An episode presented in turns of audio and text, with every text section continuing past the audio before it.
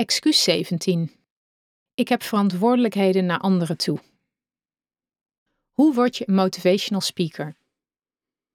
Normaal gesproken klagen onze managers altijd dat ze te weinig budget of medewerkers hebben om hun jaarlijkse doelstellingen te halen. Na jouw Coins for Care verhaal was iedereen zo enthousiast dat ze nu meer bereiken door creatief om te gaan met de middelen die ze hebben, vertrouwde de directeur van een groot verkoopbedrijf me toe. Ik was verbaasd over dit effect van mijn verhaal. Ik had net mijn eerste betaalde lezing gegeven. Tijdens de donateursvereniging werd ik steeds vaker gevraagd om lezingen te geven over de goede doelenwereld en mijn for Care ervaringen. Net als alles wat ik in die tijd deed, waren die lezingen gratis. Ik was gefocust op het uitdragen van mijn kennis over goede doelen. Door die lezingen hoopte ik betrokkenheid, bewustwording en misschien zelfs wel sponsoring voor de vereniging te bereiken. Op een gegeven moment kreeg ik te veel aanvragen. Als ik op alles ja zou zeggen, zou ik elke avond ergens staan te spreken. En ik had toch al zo weinig tijd. Daarnaast ging iedereen ervan uit dat ik alles gratis bleef doen, terwijl ik echt helemaal geen geld meer had. Als ik al een keer om een vergoeding vroeg, kreeg ik verbaasde gezichten. Maar wij doen dit voor het goede doel, werd er dan gezegd. Ja, en ik werk al bijna zeven jaar meer dan fulltime als vrijwilliger voor goede doelen, reageerde ik soms geïrriteerd. Even vergetend dat deze private banks en anderen belden met de beste bedoelingen. Als jullie mijn kennis willen gebruiken voor jullie klanten, dan is het toch logisch dat er een prijskaartje aan hangt? Ik bleef het lastig vinden om nee te zeggen of om geld te vragen.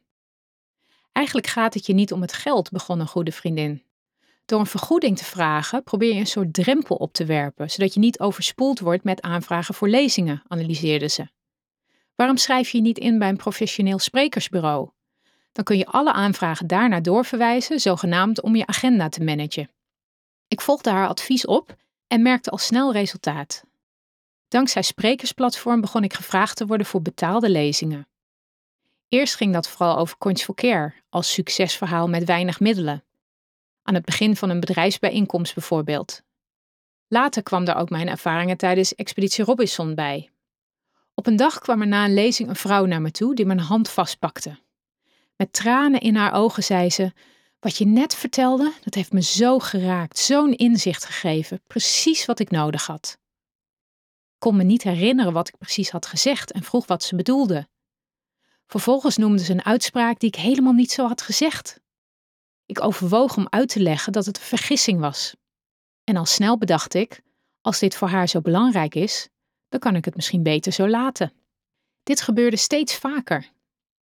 Als na een lezing mensen vertelden aan welk deel ze echt iets hadden gehad, dan was dat altijd een ander detail. Soms ging het inderdaad over iets wat ze verkeerd hadden verstaan of begrepen. Dat maakt dus inderdaad helemaal niet uit wat ik vertel, realiseerde ik me. Jouw verhaal creëert op de een of andere manier een soort energie die bij mensen dingen losmaakt. Iets mogelijk maakt, analyseerde Sprekersplatform. Vanaf dat moment hield ik geen strakke verhaallijn of thema meer aan, maar ik vertelde gewoon wat er in me opkwam. Er zijn zoveel aspecten aan het Coins for Care en Expeditie Robinson verhaal, die kan ik beter niet voorkouwen of sturen. Mensen kunnen zelf bepalen of en hoe ze dat op zichzelf kunnen toepassen vertelde ik mijn verbaasde opdrachtgevers. Steeds weer bleek dat iedereen op zijn eigen manier luistert en andere dingen mee naar huis neemt. Esther, wil je ons jouw verhaal komen vertellen? De groep vrouwen in de financiële wereld van Lehman Brothers vroeg me voor het eerst om de persoonlijke kant te benadrukken. We willen niet alleen het succesverhaal van Coins for Care horen, we willen dat je vertelt over jouw leven en de keuzes die je daarin hebt gemaakt, hoorde ik tijdens de voorbespreking. Het voelde raar om niet het vertrouwde, feitelijke verhaal te vertellen. Daardoor voelde ik me heel kwetsbaar. Door die persoonlijke insteek kwam het heel dichtbij. Alle aanwezige vrouwen waren doodstil tijdens mijn verhaal. En daarna razend enthousiast.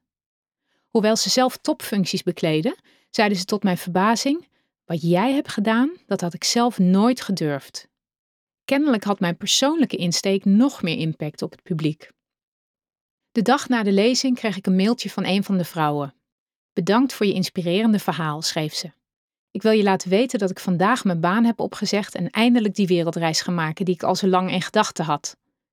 Oeps, dacht ik, ben ik hier eigenlijk wel voor verzekerd?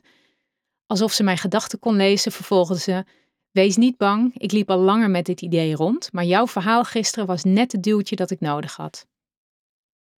Nauwelijks een jaar later luidde het faillissement van Lehman Brothers de financiële crisis in. Ik heb me laten verzekeren dat dit voorval daar niets mee te maken had. Practice what you preach.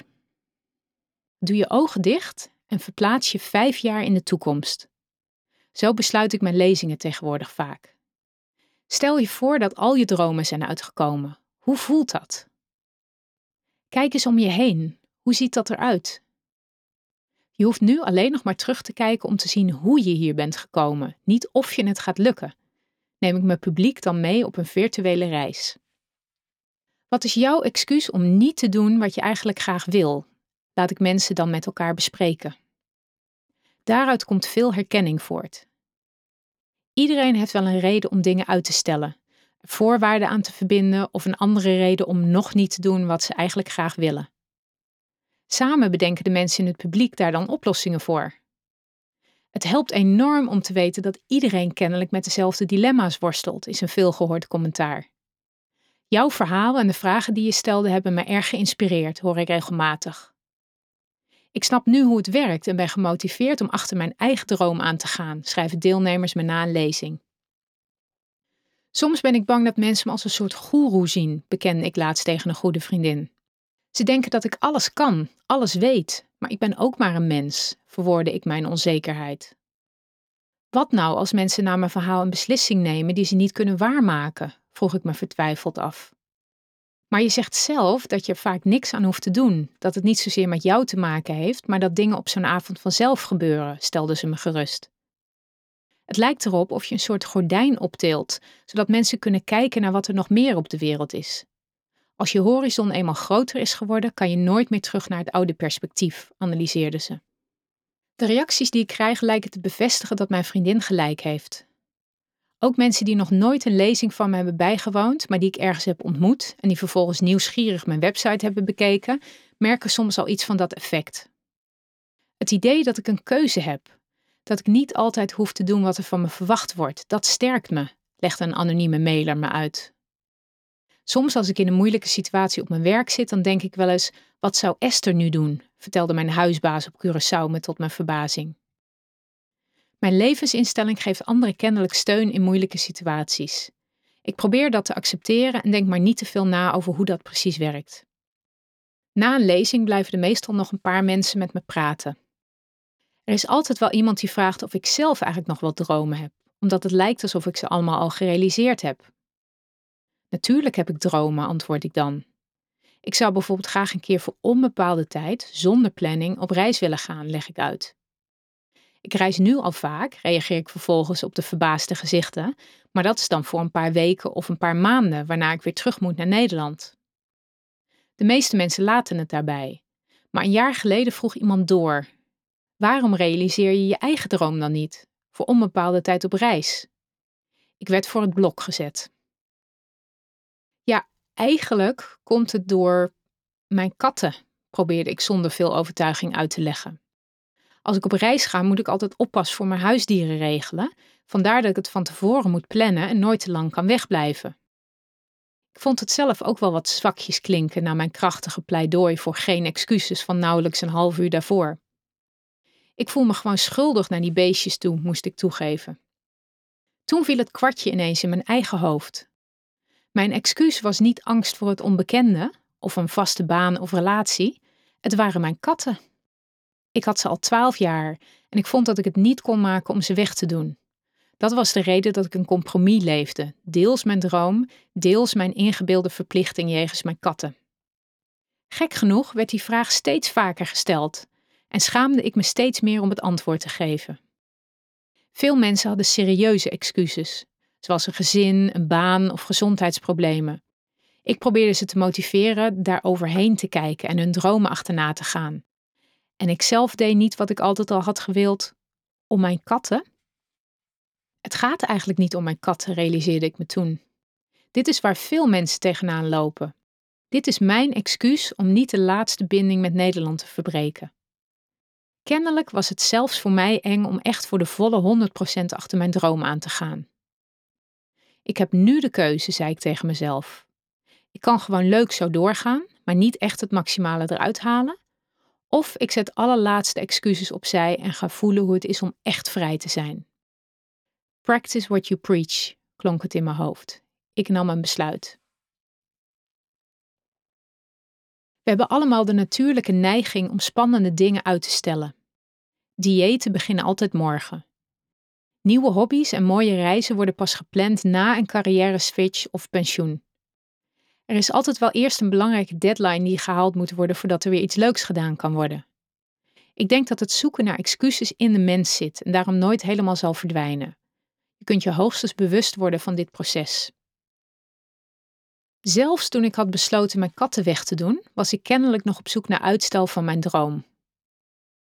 Hoeveel geld zou ik nodig hebben om een jaar niets te durven doen? vroeg ik mezelf af. Ik maakte snel een rekensommetje en kwam tot een bepaald bedrag. Toen ik alle kleine beetjes geld optelde, kwam ik tot mijn verbazing precies tot dat bedrag. Toen merkte ik dat ik toch terugkrabbelde. Eigenlijk is het bedrag dat ik had bedacht niet hoog genoeg. Als dat op is, heb ik minstens een buffer nodig voordat ik weer aan de slag kan, bedacht ik. Ik berekende een nieuw bedrag en verwachtte dat daarmee mijn plan voorlopig van de baan was. Toen ontdekte ik dat ik een optelfout had gemaakt in mijn bankrekeningen en dat ik precies dat nieuwe bedrag op de bank had staan. Nu geen excuses meer, moest ik om mezelf lachen. Ik zocht een nieuw huis voor mijn katten en verhuisde in een opwelling naar Curaçao om daar rustig te kunnen bedenken wat ik verder wilde. Ik was tijdens Conch Verkeer en de donateursvereniging zeven jaar niet meer op mijn favoriete eiland geweest. Toch voelde ik me meteen weer thuis. Mijn vader was inmiddels naar Miami verhuisd, maar er woonden nog veel bekenden op Curaçao. Tot mijn verbazing werd ik op een borrel opgeschrikt door een roep: Kijk, het fruitmeisje! Zelfs na vijftien jaar werd ik nog herkend. Veel kennissen kwamen, net als ik, na een paar jaar Nederland weer terug op het eiland. De kwaliteit van het leven is hier gewoon veel beter, zeiden ze met een gelukzalige blik in hun ogen. Op Curaçao had ik de rust om de afgelopen jaren op een rijtje te zetten. Eind 2008, toen ik al lang niet meer aan goede doelen had gedacht, vond ik het boek Goede Doelen, Slechte Doelen terug op mijn laptop. Ik begon het verhaal te herlezen in de verwachting dat ik al snel zou stoppen door de beschrijving van alle problemen met eurocollecten en de branche. Tot mijn verbazing ging het echter voor 80% over het opzetten van de actie en maar voor 20% over die vervelende goede doelen dingen. Al met al vond ik het ineens best een boeiend, spannend en inspirerend verhaal. Het bevatte veel meer verhaallijnen en details dan ik me herinnerde. Het was dus eigenlijk beter dan wat ik tijdens mijn lezingen vertelde. Mensen zeiden na mijn lezingen vaak al dat ik er een boek over zou moeten schrijven. Tot mijn verbazing bleek ik dat al gedaan te hebben. Ik besloot goede doelen, slechte doelen te herschrijven en ook Expeditie Robinson erbij te betrekken. Ik had veel parallellen ontdekt in beide ervaringen. Ik wilde mensen laten zien dat het allemaal niet zo makkelijk was gegaan als het soms leek, of als ik ze deed geloven. Als je je eigen droom achterna gaat, zul je ook obstakels, doodlopende wegen, tegenwerking en moedeloosheid tegenkomen. Maar de centrale boodschap blijft dat alles mogelijk is als je weet wat je wilt en vertrouwen, daadkracht en doorzettingsvermogen en geduld hebt. Oké, laten we eerlijk zijn. Een beetje geluk helpt ook. Het schrijven bleek een therapeutische ervaring. Ik moest boven alle details, emoties en frustraties uitstijgen om tot de werkelijke meerwaarde van de gebeurtenissen te komen. Uiteindelijk hoop ik dat het een inspirerend in plaats van deprimerend verhaal is geworden. Nu ik klaar ben met schrijven, zeg ik mijn huisje in Curaçao op. Mijn huis in Nederland is inmiddels verhuurd. Het voelt best even eng om nu officieel dakloos te zijn. Aan de andere kant biedt het me onbeperkte mogelijkheden om te reizen, vrienden overal ter wereld te bezoeken en een tijdje op verschillende plekken te wonen en te werken. Precies wat ik altijd heb gewild. Ultieme vrijheid. Ik leef nu mijn droom. Wat is die van jou? Zet vandaag nog de eerste stap om jouw droom te realiseren. Wat is jouw excuus om het niet te doen?